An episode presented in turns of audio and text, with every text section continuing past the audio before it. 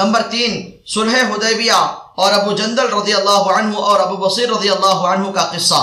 سن ہجری چھ میں حضور اقدس صلی اللہ علیہ وآلہ وسلم عمرے کے ارادے سے مکہ تشریف لے جا رہے تھے۔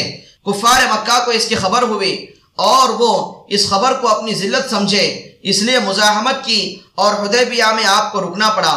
جانسار صحابہ رضی اللہ عنہم اجمعین ساتھ تھے جو حضور صلی اللہ علیہ وسلم پر جان قربان کرنا فخر سمجھتے تھے، لڑنے کو تیار ہو گئے۔ مگر حضور صلی اللہ علیہ وسلم نے مکے والوں کی خاطر سے لڑنے کا ارادہ نہیں فرمایا اور صلح کی کوشش کی اور باوجود صحابہ کی لڑائی پر مستعدی اور بہادری کے حضور اکرم صلی اللہ علیہ وسلم نے کفار کی اس قدر رعایت فرمائی کہ ان کی ہر شرط کو قبول فرما لیا۔ صحابہ کو اس طرح دب کر صلح کرنا بہت ہی ناگوار تھا۔ مگر حضور صلی اللہ علیہ وسلم کے ارشاد کے سامنے کیا ہو سکتا تھا کہ جانثار تھے اور فرما بردار۔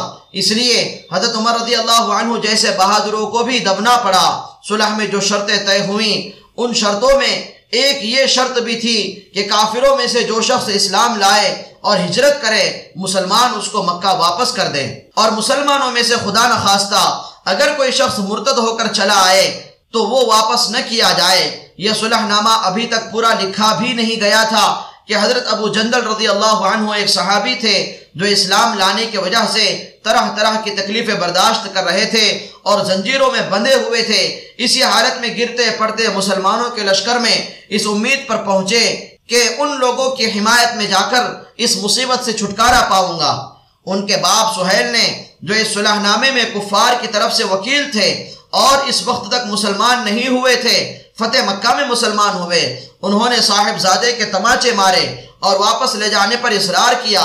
حضور صلی اللہ علیہ وسلم نے ارشاد فرمایا کہ ابھی صلح نامہ مرتب بھی نہیں ہوا، اس لیے ابھی پابندی کس بات کی؟ مگر انہوں نے اصرار کیا۔ پھر حضور صلی اللہ علیہ وسلم نے ارشاد فرمایا کہ ایک آدمی مجھے مانگا ہی دے دو، مگر وہ لوگ ضد پر تھے نہ مانا۔ ابو جندل رضی اللہ عنہ نے مسلمانوں کو پکار کر فریاد بھی کی کہ میں مسلمان ہو کر آیا اور کتنی مصیبتیں اٹھا چکا، اب واپس کیا جا رہا ہوں؟ اس وقت مسلمانوں کے دلوں پر جو گزر رہی ہوگی، اللہ ہی کو معلوم ہے۔ مگر حضور صلی اللہ علیہ وسلم کے ارشاد سے واپس ہوئے۔ حضور صلی اللہ علیہ وسلم نے تسلی فرمائی اور صبر کرنے کا حکم دیا اور فرمایا کہ عن قریب حق تعالی شانہو، تمہارے لیے راستہ نکالیں گے۔ صلح نامے کے مکمل ہو جانے کے بعد ایک دوسرے صحابی ابو بصیر رضی اللہ عنہ بھی مسلمان ہو کر مدینہ منورہ پہنچے۔ کفار نے ان کو واپس بلانے کے لیے دو آدمی بھیجے۔ حضور اقدس صلی اللہ علیہ وسلم نے حسب وعدہ واپس فرما دیا۔ ابو بصیر رضی اللہ عنہ نے عرض بھی کیا کہ یا رسول اللہ صلی اللہ علیہ وسلم، میں مسلمان ہو کر آیا، آپ مجھے کفار کے پنجے میں پھر بھیجتے ہیں۔ آپ صلی اللہ علیہ وسلم نے ان سے بھی صبر کرنے کو ارشاد فرمایا اور فرمایا کہ انشاءاللہ، ان قریب تمہارے واسطے راستہ کھلے گا۔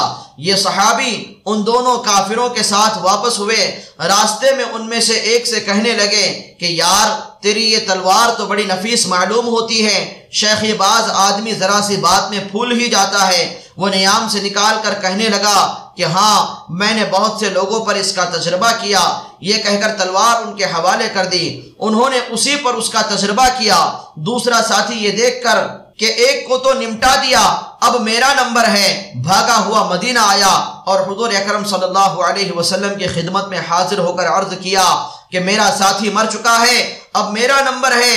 اس کے بعد ابو بصیر رضی اللہ عنہ پہنچے اور عرض کیا کہ یا رسول اللہ صلی اللہ علیہ وسلم، آپ اپنا وعدہ پورا فرما چکے کہ مجھے واپس کر دیا۔ اور مجھ سے کوئی عہد ان لوگوں کا نہیں ہے جس کی ذمہ داری ہو، وہ مجھے میرے دین سے ہٹاتے ہیں۔ اس لیے میں نے یہ کیا۔ حضور صلی اللہ علیہ وسلم نے فرمایا کہ لڑائی بھڑکانے والا ہے۔ کاش کوئی اس کا معین مددگار ہوتا۔ وہ اس کلام سے سمجھ گئے کہ اب بھی اگر کوئی میری طلب میں آئے گا تو میں واپس کر دیا جاؤں گا۔ اس لیے وہ وہاں سے چل کر سمندر کے کنارے ایک جگہ آ پڑے۔ مکے والوں کو اس قصے کا حال معلوم ہوا۔ تو ابو جندل رضی اللہ عنہ بھی جن کا قصہ پہلے گزرا، چھپ کر وہیں پہنچ گئے۔ اسی طرح جو شخص مسلمان ہوتا، وہ ان کے ساتھ جا ملتا۔ چند روز میں یہ ایک مختصر سی جماعت ہو گئی۔ جنگل میں جہاں نہ کھانے کا کوئی انتظام، نہ وہاں باغات اور آبادیاں، اس لیے ان لوگوں پر جو گزری ہوگی، وہ تو اللہ ہی کو معلوم ہے۔ مگر جن ظالموں کے ظلم سے پریشان ہو کر یہ لوگ بھاگتے تھے، ان کا ناطقہ بند کر دیا۔ جو قافلہ ادھر کو جاتا، اس سے مقابلہ کرتے اور لڑتے، حتیٰ کہ کفار مکہ نے پریشان ہو کر حضور صلی اللہ علیہ وسلم کی خدمت میں عاجزی اور منت کر کے اللہ کا اور رشتہ داری کا واسطہ دے کر آدمی بھیجا کہ اس بیسری جماعت کو آپ اپنے پاس بلا لیں کہ یہ معاہدے میں تو داخل ہو جائیں اور ہمارے لیے آنے جانے کا راستہ کھلے۔ لکھا ہے کہ حضور صلی اللہ علیہ وسلم کا اجازت نامہ جب ان حضرات کے پاس پہنچا ہے تو ابو بصیر رضی اللہ عنہ مرض الموت میں گرفتار تھے۔ حضور صلی اللہ علیہ وسلم کا والا نامہ ہاتھ میں تھا کہ اسی حالت میں انتقال فرمایا، رضی اللہ عنہ و فائدہ، آدمی اگر اپنے دین پر پکا ہو، بشرطے کہ دین بھی سچا ہو، تو بڑی سے بڑی طاقت اس کو نہیں ہٹا سکتی۔ اور مسلمان کے مدد کا تو اللہ کا وعدہ ہے، بشرطے کہ وہ مسلمان ہو۔